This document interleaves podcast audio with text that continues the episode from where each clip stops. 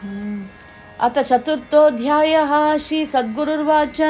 अस्ति सर्वेश्वरः कश्चित् सर्वलोकैककारणः। तं विनेदं जगत् सर्वं स्वभावात् चेष्टते कथम् साक्षाद्दृष्ट्वैव विश्वासं कर्तुमिच्छन्ति नास्तिकाः। विनैव दृढविश्वासं दुर्दर्शो भगवान् हरिः। अनित्येऽपि शरीरेऽस्मिन् भार्या पुत्रधनेष्वपि यथा कुर्वन्ति विश्वासं कुर्वन्ति न तथा हरौ। किन्तु भागवता लोके शोकमोहभयावहे कुर्वन्ति नैव विश्वासं कालेन कबलीकृते। पत्रं पुष्पं फलं तोयम् अर्पितं श्रद्धयैव हि। अश्नाति भगवान् कृष्णो दृढभक्तिवशीकृतः दामाजिपण्डितो नाम कैश्चित् वैष्णवपुङ्गवः भार्यया गुणवत्यापि चक्रे गार्हस्थ्यमाश्रमम् तयोर्विठ्ठलकारुण्या जज्ञे भक्तिमतां वरः नामदेव इति ख्यातः पुत्रसद्गुणसंयुतः।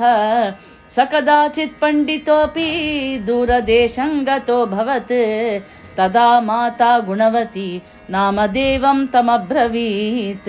गुणवत्युवाच आगच्छ नामदेवत्वं भाग्यवानासि पुत्रक।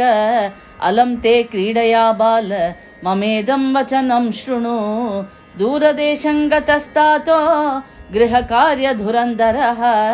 तस्मात् त्वमेव कृष्णस्य कुरु पूजामिहार्भक स्नानं कृत्वा शीघ्रमेव धृत्वा वस्त्रं च बालक आदाय पूजा सामग्रीं गच्छ विठ्ठलसन्निधिं श्रीसद्गुरुर्वाच।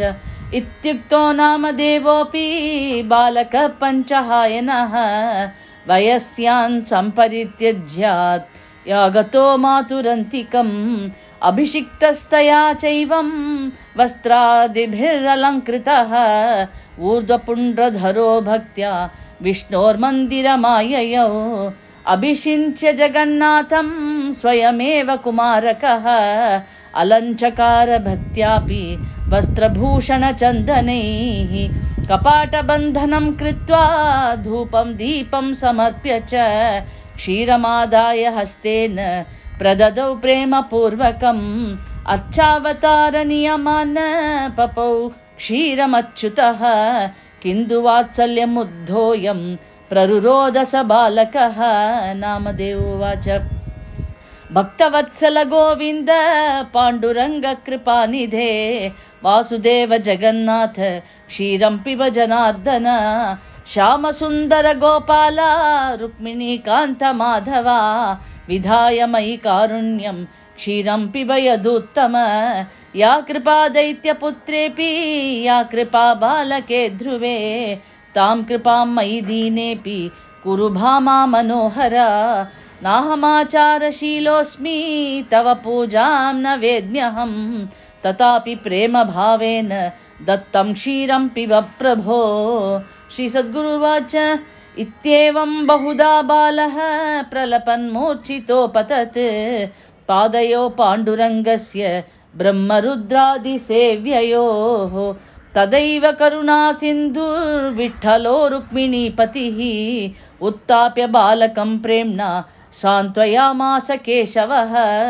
पुण्डरीकविशालाक्षं पुरुषं श्यामसुन्दरं दिव्यपीताम्बरधरं दिव्यभूषणभूषितं मन्दस्मितमुखाम्बोजं श्रीवत्साङ्कितवक्षसं जगन्मोहनलावण्यं मुकुन्दं मुरलीधरम् विलोक्य नामदेवोऽपि परमानन्दसंयुतः प्रददौ क्षीरमादाय स्वयं प्रणयपूर्वकम् स्वयं क्षीराब्धिनाथोऽपि स्वभक्तेन समर्पितं पपौ च मधुरं क्षीरं कृपया भक्तवत्सलः।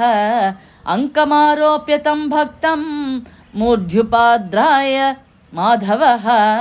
अवाप परमं सौख्यं पुत्रस्पर्शसमुद्भवम्। अन्तर्हितो भगवती प्रेमभावसमाकुलः। त्वरया मातरं प्राप्य हरिलीलामुवाच सः आकर्ण्य जननी सापि परमं विस्मयं गता पाण्डुरङ्गस्य माहात्म्यं ज्ञात्वा हर्षमवाप च नामदेवस्तु बाल्येऽपि साक्षात्कृत्य श्रियपतिं सदा भक्तिरसोन्मत्तो लोकवेदातिगोऽभवत् इति श्री श्रीकृष्णप्रेमि महाप्रभुविरचितायां श्रीवैष्णवसंहितायाम् अष्टमभागे नामदेवचरितं नाम चतुर्थोऽध्यायः।